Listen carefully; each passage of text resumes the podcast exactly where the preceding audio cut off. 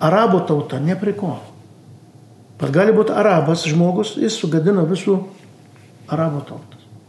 Vienas musulmonas gali išgadinti, sugadinti visų nuotaiką musulmonų.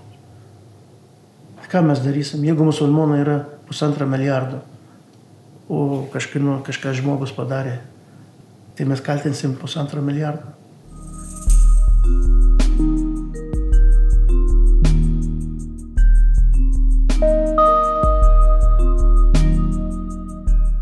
Jūs klausotės Nailo podkasto, prie mikrofono Karolis Višnauskas iš Nanuk.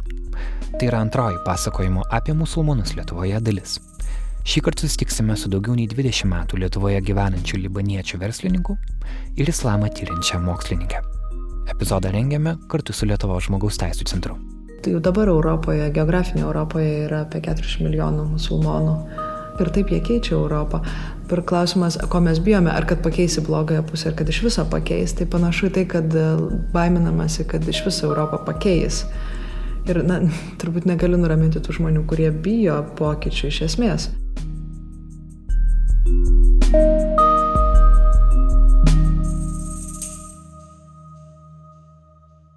Abbas. Lietuviškai Abbasas. Abasas. Tai kartais manęs kvieti abai, kviečia manęs. Galvoju, kad galūnis yra AS, reiškia lietuvintas vardas. Jo, jūsų vardo tarsi nebereikia lietuvių, jis jau iš karto yra lietuviškas. jo, jo, teisingai jūs pasakėte. Tai. Iš karto lietuviškas. Abbas Dajah arba Abbasas Dajahas Lietuvoje yra praktiškai tiek pat metų, kiek ir egzistuoja atkurta nepriklausoma Lietuva. Aš buvau tuo laiku, kada dar rublis buvo. Buvo ką tik išėjo Tarybų sąjungos ką tik jau dar, aš atsimenu, kad dar buvo e, kareivių čia šiaurės miestelė ir žmonės, jau, jau kareiviai jau išvyksta iš tenai. Tankai, visi šitie ginklus, man atrodo, taip buvo. 90-ųjų pradžioje, gyvenant Libane, atvykti į Lietuvą jam prilygo tarsi kelionį į Antarktidą.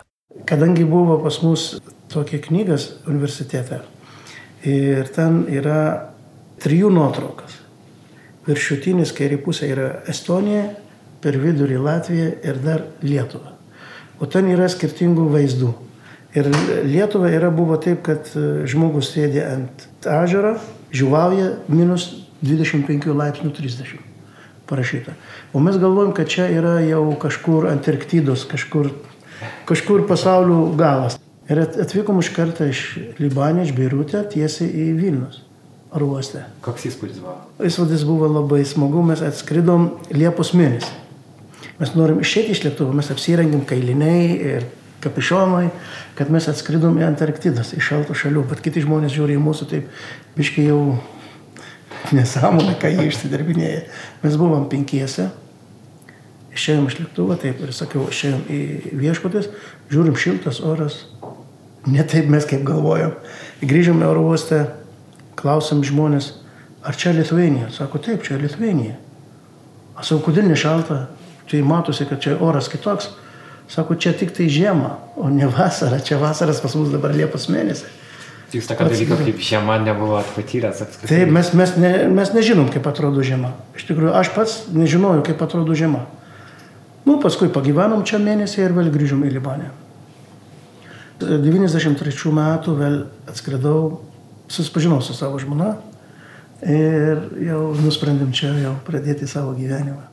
Šiandien Abas Vilniuje valdo nedidelę baldų įmonę. Anksčiau netoli Seimo jis buvo atidaręs libanietiško maisto restoraną pavadinimu Aladinas. Bet viskas prasidėjo nuo daug mažiau glamūriškų dalykų. Iš pradžių jis galiūnų turguje prekiavo automobiliais. Tas yra labai įdomu, kaip jums sekėsi Lietuvoje pradėti verslą, nes turbūt e, daugam galbūt buvo keista, kas šis žmogus, ar su juo galima bendradarbiauti, ar čia yra... Turbūt, turbūt buvo tokių, tai buvo. kad jis buvo žiūrima kitaip negu į lietuvius kolegas. Galite apie tai daugiau papasakoti? Aš tai iš pat pradžių dirbu su automobilius, iš tikrųjų, galima sakyti, prieš restorano. Dirbu su automobilius, kadangi mano giminės gyvena Vokietijoje. Ir aš prašau, kad jie man padėtų ir jie pradėjo man padėti. Iš Vokietijos mes atgabenom mašinos, atvežėm čia, pardavinėjom garūnuose. Bet daugmaž žmonės priprato prie Vidurio Azijos žmonės. Azerbaidžanas, Armenijai, to Vidurio Azijoje. Tai... Nes tai buvo šalis, į kurias buvo e, importuojami automobiliai. Jie, galvoja, kad aš tų, ša, iš tų šalių. Ir jie maišydavo tarp, tarp Libija ir Libanas. Jis sako, a, tu iš ten, kur yra Kaddafi. ne, aš iš Libano, Lebanon. Tada žmonės jau pradėjo suprasti manęs, kad aš tikrai libanietis, arabų tauta. Musulmonai Lietuvoje yra antra nemėgstamiausia gyventojų grupė po Lietuvos Romų. Apie 45 procentai Lietuvos gyventojų sako, kad nenorėtų gyventi su kaimynais musulmonais, 37 procentai nenorėtų dirbti su musulmonais, o 43 procentai savo būsto nenorėtų išnuomoti musulmonai. Tokia yra naujausia etninių tyrimo centro statistika, bet ji panaši laikosi dar nuo 2001 rugsėjo 11-osios. Įvykio, kuris pakeitė daugelio žmonių vakaruose požiūrį į musulmonus. Abas su tuo susidūrė asmeniškai. Yra žmonės, kurie žiūrėdavo į mane, spjaudavo į veidas, pavyzdžiui. Kaip, kaip, Buvo, kad ga- daug, gatvėj- daug manęs pavadino visokiais blogos žodis, trukdo manęs kelyje kartais, supranti, e, žblokuodavo kelias mano, važiuodamas su mašina jį, pavyzdžiui, žiūri į manęs per langas, trukdo manęs. Buvo daug tokių atvejų, bet aš tikrai, kaip e, tokia lietuviškai patarlė, daug durnių kelio, ne. O ką jūs darydavote? Kviesdavot policiją? Ne, ne. Nu, vieną kartą buvo man labai tokį skaudu, kada pavadino ir spjovė į veidas. Iš tikrųjų kviečiau policiją, čia buvo Gedimino prospektas. Atvažiavo policininkai ir jį susitvarkė. O kaip lietuviai tai padarė? Nu taip. Bet jį pasigailėjo, sako, nu tai mes nenorėjom, mes negalvojom, kad jūs mokat lietuviškai, tai mes galvojom, kad jūs toks ir toks ir paskui jie jau suprato, kad taip negalima daryti, negalima elgtis. Turbūt daug kas nustemba išgirdę jūsų puikią lietuvių kalbą. Nuo pat pradžių taip žmonės galvoja, ka- kodėl aš nekalbu rusiškai. Jie su manim kalbėdavo rusiškai. Aš sakau, aš rusiškai, jie, ne, jie nepanimauja по-русски. Aš išmokau skaičius, pavyzdžiui, vienas, du, trys iki šimtas išmokau, paskui aš eidavau į turgus, noriu pirkti maišelis 50 centų. Ir aš tai nesuprasdavau, sakiau, ką, grįžau į namus ir klausiau žmona, reiškia 50, sako, čia yra rusų kalba, nepergyvenk. Ir aš tada, nu, supratau, kad čia yra rusų kalba, yra kita kalba dar, aš privalau išmokti, kad manęs suprastų. Kaip sakytumėt, ar keičiasi kažkaip lietuvių požiūris į pačius musulmonus, nes um, bent jau kalbėjimo apie tai, kad Lietuvoje yra musulmonų bendruomenė, kad apskritai pasaulyje yra daugiau religijų negu tik krikščionybė, kur su kuria daugelis lietuvių yra užaugę, atrodo, kad Lietuva pamažu atsiveria. Tiesiog, kad visas pasaulis tampa toks labiau, labiau uh, sienos tarsi nyksta. Kaip jums atrodo, ar dabar uh, galbūt nieko tiesiog nebestebina uh, musulmonų kalbantis, gyventis Lietuvoje, kalbantis lietuviškai, gal tai yra jau praeitas etapas? Iš tikrųjų dabar požiūris yra kitaip negu anksčiau. Iš vieno pusė yra palengvėjo, kad žmonės daugiau informaciją jau dabar žino. Ir pasunkėjo dėl tos, kas vyksta karai arabų šalyje. Pradedam nuo Irake, Siriją, šiek tiek buvo Libane. Ir tos neramumas Libijoje, Egipte. E, nu, galima pasakyti, žmonės jau skaito, žino, suradiją, viską skaito, žino, kad čia yra karai, ekonomiški karai, dėl kažko ten tikslo. Bet vis tiek daugelį žmonių gazdina a, teroro atakos, kurios įvyko ir pernai, atrodo, 17 metais jų buvo daug. Buvo, a, buvo Manchesteris, tai buvo Londonas, buvo Prancūzijoje. Ir, a, ir kiti miestai. Ir jeigu žiūrint Europos mastu, yra grinai statistiškai, kai žmonės yra apklausinėjami, sakoma, kad daugiau žmonių nori kažkaip stabdyti musulmonų migraciją į Europą, yra baime, kad kažkaip Europos visas tiesiog kultūra pasikeis, nes tiesiog labai daug musulmonų atvyks į Europą. Kaip jūs, būdamas musulmonu Europos šalyje, Lietuvoje, reaguojate į tai? Pavyzdžiui, vyksta teroro ataka, tarkim, Mančesteryje. Kaip jūs reaguojate į tai? Galiu pasakyti taip. Nėra ne viena relig- relig- religijai nesusiję su teroru ar nebus. Jeigu tikra religija, nenori tos teroro ir, ir jinai tikrai neišsigyja tokio teroro. Terorizmas e, yra pagal teisybę, jis yra, mes negalime pasakyti, kad nėra teroro, nėra teroristų. Yra, bet jų kilmės, jų šaknies, iš kur atsirado, kino tikslo. Šiaip savo neiškrito iš dangaus teroristai. Jisai jau prisirišė su kažkokia grupės pasauliu. Su kažkino tikslu, kad jisai atvyko į Europą padaryti, pavyzdžiui, Mančesteris problemą. Žmonės dabar supranta daug daugiau negu anksčiau. Kad jo čia žmogus nesugalvoja pats, reiškia kažkas jo pasamdė. Kad Bet tas kažkas nėra religinė motivacija, jūs sakote? Ne, ne, ne, ne, ne, jokių būdų. Jis yra, kaip pasakyti, jis yra uždengtas religinis apranga. Jis uždengtas. Kad jis yra musulmonas, va žiūrėkit musulmonai ką daro. Islamas nekaltas. Yra europiečiai musulmonai, kur gyvena Belgijai. Gimė gyvena Belgijai, gimė, gimė ir Prancūzijai. Jį musulmonų šaknis. Bet šitas žmogus išvažiavo kariauti Sirijoje ar išvažiavo kariauti kažkur.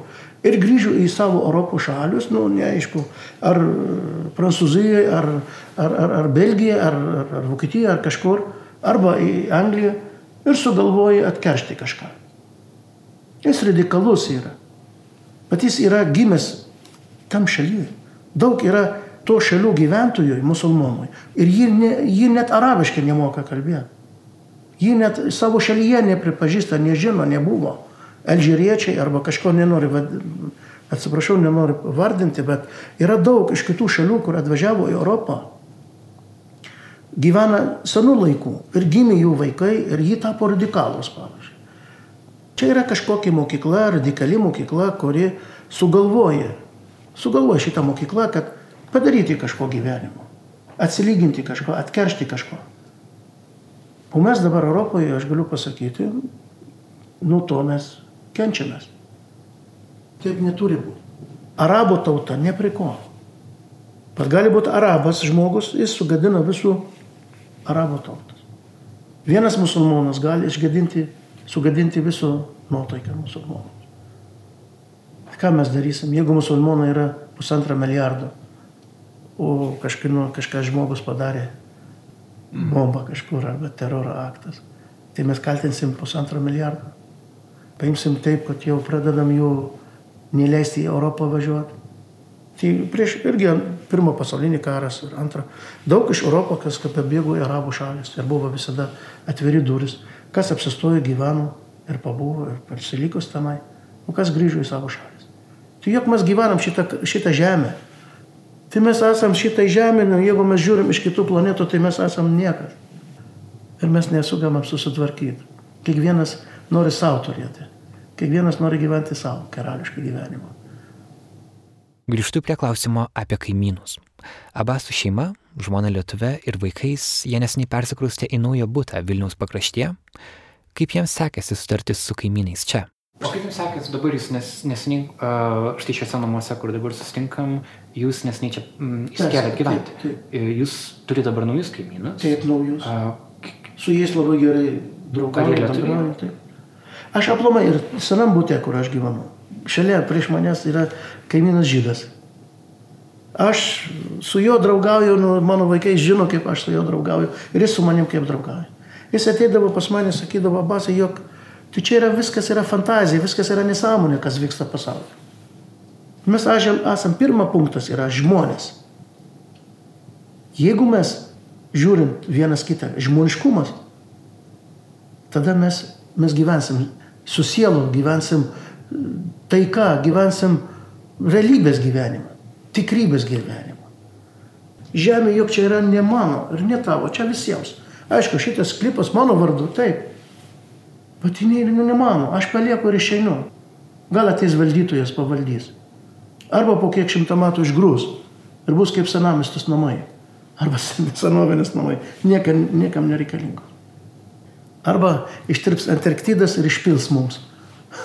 Čia žemė yra mūsų visiems. Ir mes turim gyventi taikai. Dėl to yra pirmas žodis musulmoniška. Taika su tavim. Kai sutinku su tavim, yra assalamu alaikum, gal girdėjot šitas žodis. Čia yra taika su tavim. Ne labas, ne visų gero. Sako taika su tavim. Ir tu man atsakai, ir su tavim taika. Ko lietuviai labiausiai nesupranta apie islamo kultūrą? Ko labiausiai galbūt klausinėja ir ką jūs turit paneigti? Dažniausiai, dažniausiai eina kalba apie alkoholio pirmą vietą, apie keulieną antrą vietą, apie žmonių skaičius. Kad jūs musulmonas turit turėti keturias moteris. Tai čia tai reikėtų labai, labai ilgai aiškinti. Būdavo manęs draugai kviečia, kviečia į pietus arba į susitikimą. Atvažiuoju, aš žiūriu, kad lašinu ir alkoholio ant stalo. Jis žino, kad aš negeriu ir nevalgau. Sako, Abasai, tu labai geras ir pigus svečias.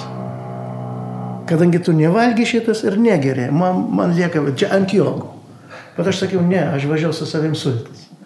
Gersiu su tavim, aš gersiu sultis, tu gerk, ką nori. Ir aš nuo to laikas, kai sėdžiu su juo, bendrauju, sakiau, kas čia yra tau daro gero, o ką jis daro tau blogo. Ir pavykdavo įtikinti? Pavykdavo dažnai. Pavykdavo jam įtikinti, kad jog čia yra nereikalingas tau. Nereikalingas. Kam? Kam tas alkoholio? Ar nuo to naudinga? Nu, gali būti, kad šventėje žmonės sako, mes norim šiek tiek šampano, teurės, vino, arba... Tai gerk. Kas tau neleidžia, gerk, čia tavo reikalas. Bet ar tau naudingas sveikatos ar taip toliau. Kiekvienas turi savo požiūrį į gyvenimą. Fotografijas ir trumpą video siužetą iš susitikimo su Abbas Tajah pamatykite podkasto tinklalapyje naila.lt. Jų autorius yra Mindaugas Dirigotas.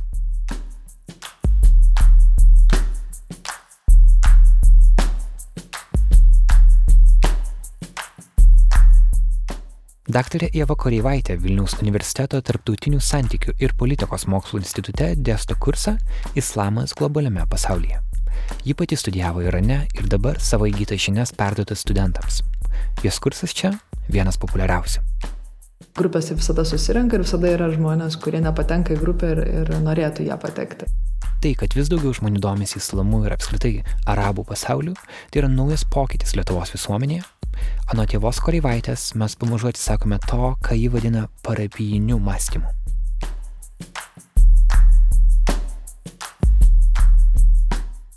Ilgą laiką mes turėjom tokį pakankamai mm, na, parapijinį mąstymą, domėjimosi politiką. Ir tai yra, na, kas vyksta Baltarusijoje, kas vyksta Lenkijoje, kas vyksta Šiaurės šalise, dar šiek tiek Europos Sąjungoje, bet mes visiškai neturim to plataus mąstymo apie pasaulį. Man labai didelis skirtumas būdavo susidūrimas su Erasmus studentais, ypač vat, prancūzai, britai, jie turi tą tokį dar paveldėtą turbūt kolonistinį mąstymą nes na ir šiaurės afrikoje buvo jų kolonijos ir levante buvo jų kolonijos ir ir jie pratę domėtis kas ten vyksta nes tai tarsi na psichologiškai kažkiek jiem priklausiusios teritorijos turbūt ir jie turi tą platų mąstymą. Ir dar jie yra didžiosios valstybės atstovai ir jie mąsto iš galios pozicijos ką mes darėme ką mes darome ką mes darysime kaip mes tai valdysime.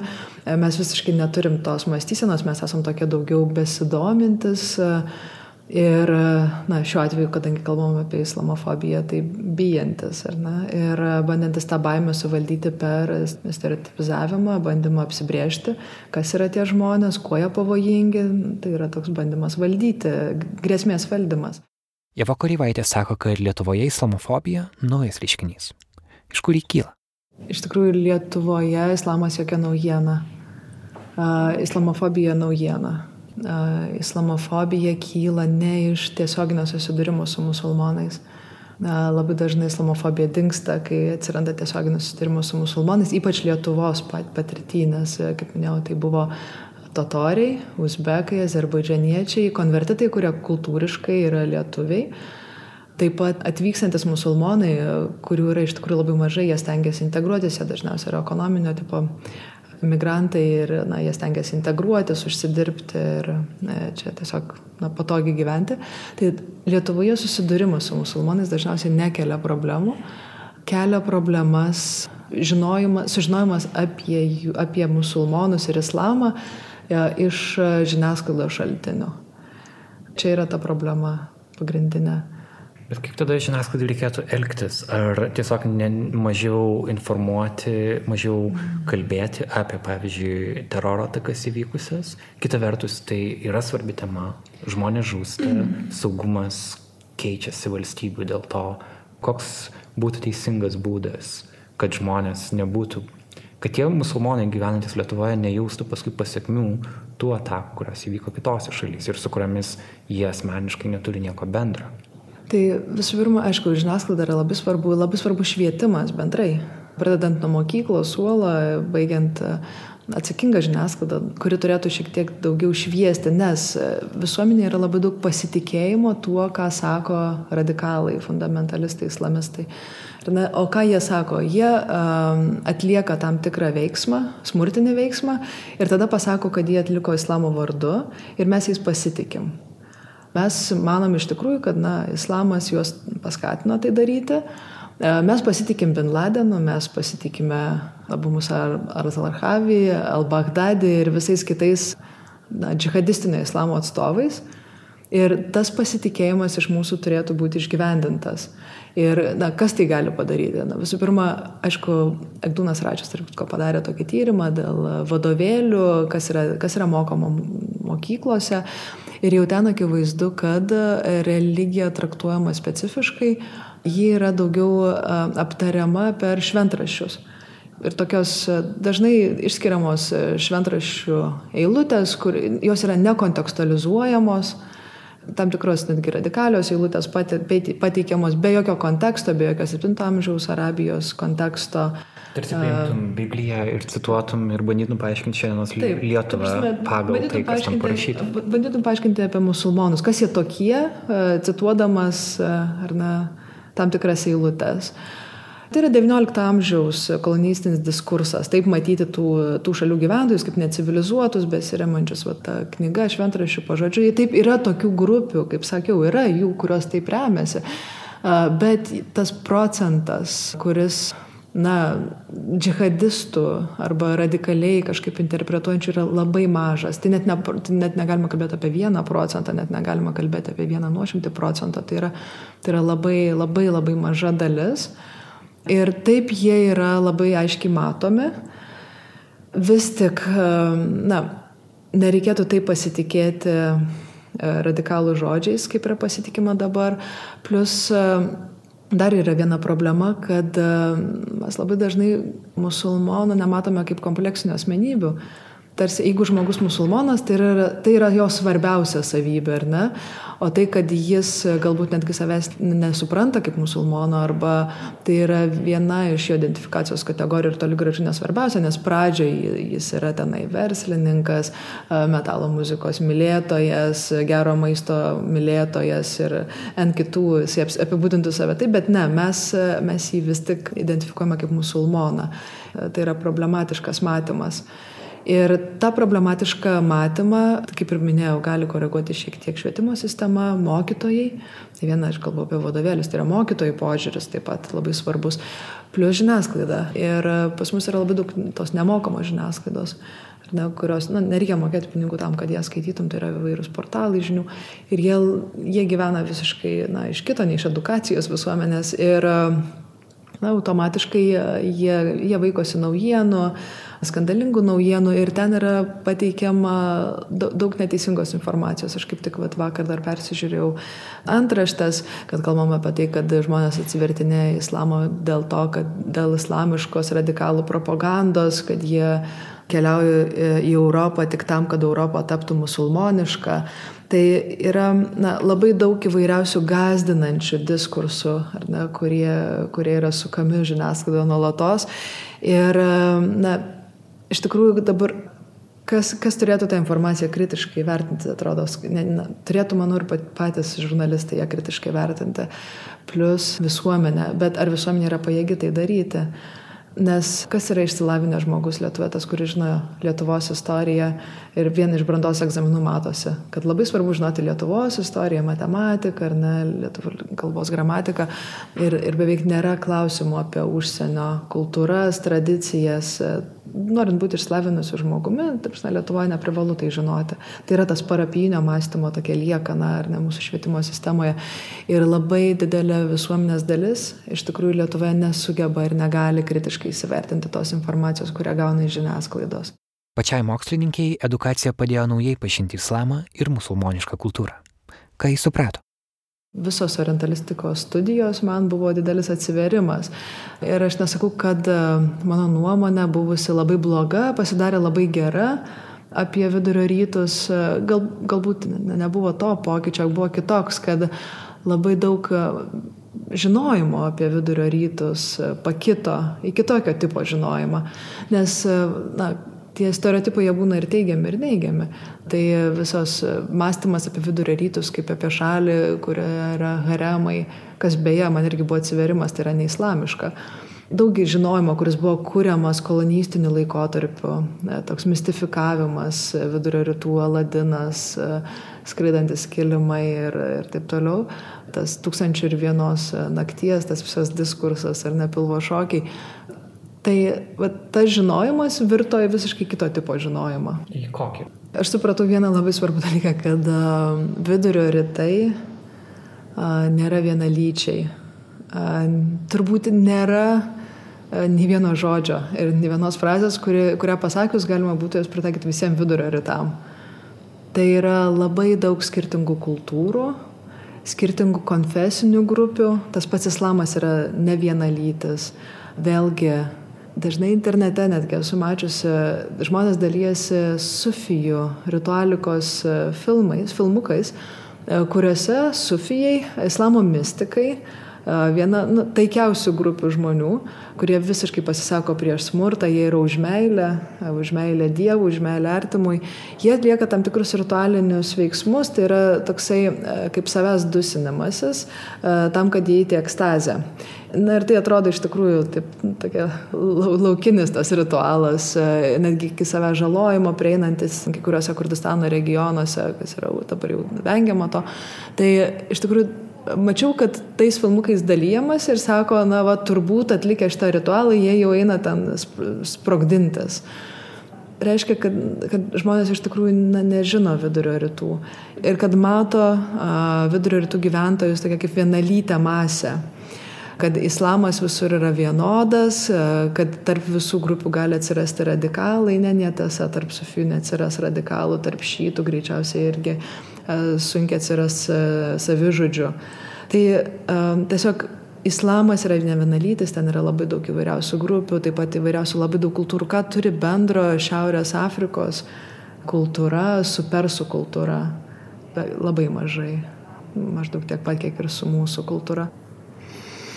Aš galvoju, nebent yra dar kažkokios priežastys, kurias verta apie islamofobiją kalbant paminėti, nes dažniausiai ir tada kaip ir su Karoliu kalbėjom, ir su kitais pašnekovais kažkaip um, viskas atsiriamė į tuos teroro aktus, bet galbūt yra kažkas daugiau musulmonų kultūroje, kas lietuvius gastina. Galbūt tas pats faktas, kad kitas šalia yra religingas žmogus, iš karto kažkaip įtariai tu įžiūri, nes galbūt į religingą krikščionį irgi žiūri įtariai, jeigu pats toks nesi bet nežinau, galbūt sakyti, kad musulmonai iš principo yra religingesni už krikščionis, tas irgi būtų kažkoks generalizavimas. Kai mes klausom apie teroro aktus, tai yra išskiriami na, keli tokie motyvai. Tai yra žmonės apsirengę juodai, moteris su dangalais, ar ne, jie na, yra religingi, Taip pat ta pagrindinė savybė jų išskiriama, kad jie yra, buvo musulmonai, priklauso tam tikrai radikaliai organizacijai ir dažniausiai apie juos ten daugiau ir nėra pasakojama. Ir tada tos savybės mes jų ieškome greta esančiuose žmonėse, ar ne? Tai ar žmogus religingas, reiškia, gali būti jisai pasiduodantis įtakai, fanatiškas, Na, jeigu mes pamatome apdangalą, hijabą, vėlgi jis mums e, tarsi na, asocijuojasi su ta grėsme, plus dar, dar įvairūs kiti aplinkiniai diskursai, kaip moters priespauda, reiškia, jinai irgi yra pasidavusi kažkokiam e, priespaudai, įtakai, kažkieno kito, nes na, negalime galvoti apie tai, kad jinai pati pasirinko nešioti hijabą ir netgi na, vidurio rytuose feministės renkasi nešioti hijabą, pradeda nešioti hijabą, tai pabrėždamos, kad jos tai pasirinko daryti. Čia yra tokia irgi feminizmo forma įdomi vidurio rytuose. Tai mes ieškome tų savybių atitikmenų, vad ką matėme tame akte, terorizmo akte, kas, kas buvo baisiausia, tose žmonėse, kurie yra šalia. Ir liūdniausia tai, kad labai dažnai žiniasklaida pabrėžia, kad tas žmogus, kuris atliko teroristinį aktą, buvo musulmonas ir netgi bandoma na, suponuoti, kad atsidavęs musulmonas ir na, automatiškai tas musulmoniškumas e, tampa grėsmė šaltiniu, kas, kaip ir minėjau, na, daugeliu atveju yra visiškai nepagrysta, nes daugelis musulmonų e, yra tik nominalūs musulmonai. Ir netgi jų atsidavimas jis gali reikšti atsidavimą ritualikai, nes islamas yra ortopraksinio tipo religija, neortodoksinio, tai yra Ortopraksinė reiškia, kad patenki į rojų tuo met, kai atsakingai atlieki visą ritualiką ir laikaisi su pagrindiniu islamo penkių stulpų. Tai yra, e, turi būti vykdomos meldimasis, pasnikavimas, ėjimas piligriminė kelionė na, ir, ir kitos tos praktikos, jos atliekamos bendrai, bendruomenėje. Ir na, tos praktikos iš tikrųjų yra kaip ir garanta, garantija, kad na, tu esi geras musulmonas ir gali patekti į rojų. Ir mes, sakykime, galime matyti apraiškas tų ritualų, ar ne? Tai yra, kaip minėjau, nešiojama apranga islamiška. Taigi vėl, tai vėl yra 20 amžiaus pabaigos, toksai daugiau revivalizmo dalykas, kad vėl grįžo apranga, nes dar amžiaus pradžioje, 20 amžiaus pradžioje, ten Egipte keli procentai moterų nešioja tik tai hijabą. Hijabas grįžo iki 60 procentų, moterų nešioja hijabą tik, tik, tik antrojo 20 amžiaus pusėje. Tai mes jo galime tada pastebėti ir aprangą, ir meldimąsi, ir tai identifikuoti su buvimu gerų musulmonų. Ir tada vėlgi, ar tas buvimas gerų musulmonų reiškia tai, kad, kad reikia ir kovoti, na, ir ginklų kovoti. Ir, na, tai, tai nereiškia, nes pastangos būti gerų musulmonus to nėra susijusios ir tik apie, kaip ir minėjau, 0,001 procento radikaliai islamą interpretuojančių asmenų, kurie yra tuo pačiu ir salafė musulmonai, tai yra jie ta, tam tikrų specifinių būdų žiūri, interpretuoja šventraščius, mano, kad reikia gyventi tokią pat gyvenseną, kaip gyveno 7 amžiaus Arabijoje. Tokių žmonių yra labai mažai. Ir bet, bet jiems mes... buvimas gerų musulmonų taip reiškia tokią gyvenseną ir tokį kovojimo būdą, bet jų yra labai mažai iš salafio musulmonų, jų ten irgi yra labai labai mažas procentas. Mm. Bet mes uh, manom, kad dauguma musulmonų yra kaip jie, pagal tai, jeigu nesam patys susidūrę su, su musulmonais gyvai. Taip, tai, tai ir yra problema, kad uh, visų pirma nėra žinojimo apie musulmonus, antra yra suvokiama, kad na, žmogus, kuris atvykęs iš vidurio rytų, jis greičiausiai yra musulmonas ir greičiausiai geras musulmonas. Ir jeigu yra geras musulmonas, tai jis greičiausiai turėtų anksčiau ir vėliau prisijungti prie kovotojų. Tai yra visiškai neteisingas e, toks susijimas.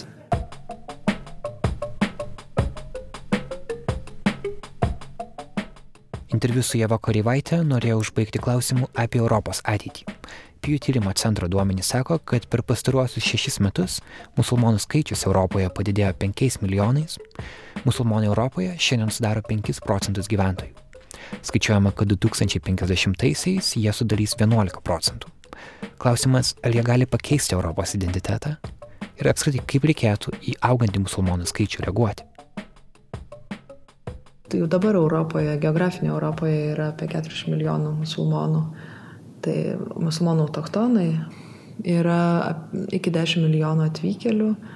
Čia jau tas šalžyro, iš kolonijų, laikini dar, darbininkai, imigrantai, ekonominiai pabėgėliai iki 10 milijonų žmonių. Tai jų yra jau daug ir taip jie keičia Europą. Ir klausimas, ko mes bijome, ar kad pakeisi blogąją pusę, ar kad iš viso pakeis, tai panašu į tai, kad baiminamasi, kad iš viso Europą pakeis.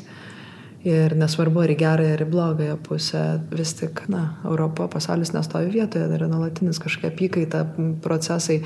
Ir, na, turbūt negaliu nuraminti tų žmonių, kurie bijo pokyčių iš esmės. Ar į blogąją pusę pakeis? Na, nemanyčiau, nes kaip ir minėjau, daugelis tų musulmonų, kurie atvyksta, jie atvyksta, jie nominalūs, jie kultūriniai musulmonai, na, jų netgi e, daugelis praktikų, kurias, kurias jie praktikuoja, netgi nesocijuojamos su tuo tradiciniu islamu, tai yra liaudės islamo įvairios formos. Dar, dar irgi svarbu pasakyti, kad na, ne vien kodėl reikia bijoti musulmonų, o, o ką, jeigu atvyksta vidurio rytų gyventojai, kurie yra krikščionis, arba tie patys druzai, arba na, kurdai, kažkokios sinkretinės religijos. Daug visko gali atvykti, gali tie patys, sakau, krikščionys, tie patys vidurio krikščionys, jie, jie yra nepanašus į Europos krikščionys e, savo, savo kultūriniu paveldu. E, jie, jie gyvena bendruomeninėse santvarkose, jie na, nepanašus į mus. At, atvyksta žmonės iš įvairiausių kraštų ir jie keičia nuolatos Europą. Ir, net, net nežinau, kazahai atvažiuoja, jie yra musulmonai ar ne, vėlgi nominalus daugiausia, bet e, žmonės, žmonės atkeliauja įvairiausių turintis įvairiausius, įvairiausius įsitikinimus, religijas, patirtis kultų, iš skirtingų kultūrų. Ir na, manau, kad musulmonai nėra būtinai ta grupė, kurios reiktų bijoti. O Lietuvai tai yra aktuali tema, nes Lietuvoje migracija vis dėlto yra labai maža palyginti su kitomis šalimis ir musulmonų Lietuvoje gyvena keli tūkstančiai šiuo metu.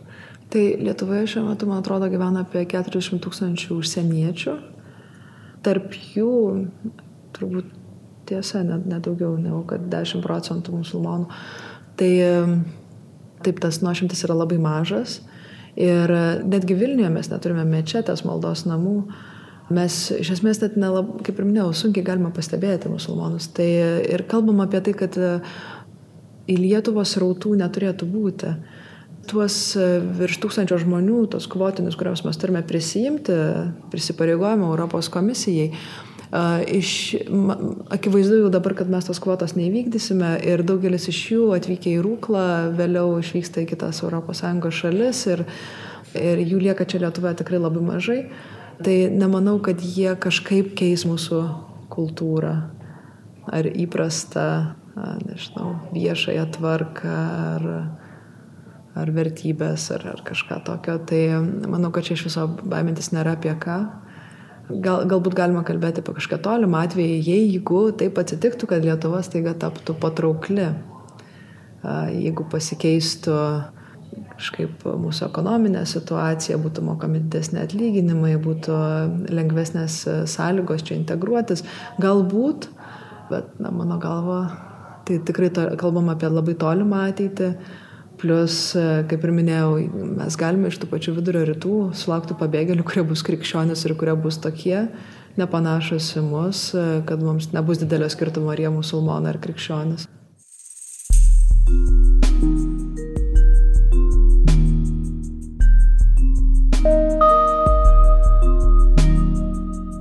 Tinklalapyje Nile.lt pamatykite nuotraukas iš susitikimo su Jeva Koreivaitė. Jų autoriai yra nanuk fotografai Mindaugas Drigotas ir Karolis Pilypas Liutkevičius. Pirmojoje mano kaimynas musulmonas pasakojimo dalyje mes kalbėjome su Lietuvoje gyvenančia turkė studentė Feiza ir sirų lietuvių šeima Kaune, Ameru, Hela ir Naja, o taip pat migracijos ekspertu Karoliu Šybu. Pilną interviu su Karoliu pateiksime ir atskirai mūsų Patreon rėmėjams jau šią savaitę. Ačiū naujausiams mūsų rėmėjams Egliai Vaznytei, Egliai Tamulionytei, Vik Benaitytei, Andriu Daukšai, Marijui Aksionaičiui, Urtai Otinger, Živiliai Meškauskaitei, Dariui Dranginiui, Doviliai Pipcevičiūtei, Gabrieliai Garlaitai, Justinai Stonytei, Skaistiai, Karolinai Aliukaitei, Simonai Korpelai, Elenai Kryževičiūtei ir Ugniai Balčiūnaitai. Visi kartu mes viršėjome 700 dolerių per mėnesį ribą. Ačiū Jums už tai nuo visos Nailo komandos. Mūsų Patreon kampanijos adresas yra patreon.com pasvirasis brūkšnys nanuk multimedia. Kaip vienas žodis.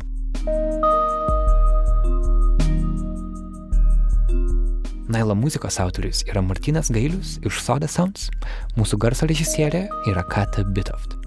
Epizodą vedžiau ir prodiusavau aš, Karolis Višniauskas. Šį epizodą pristatė Lietuvos žmogaus teisų centras. Nailo podcastą kūrė multimedijų agentūra Nanook. Sustiksime kitą antradienį. Iki. thank you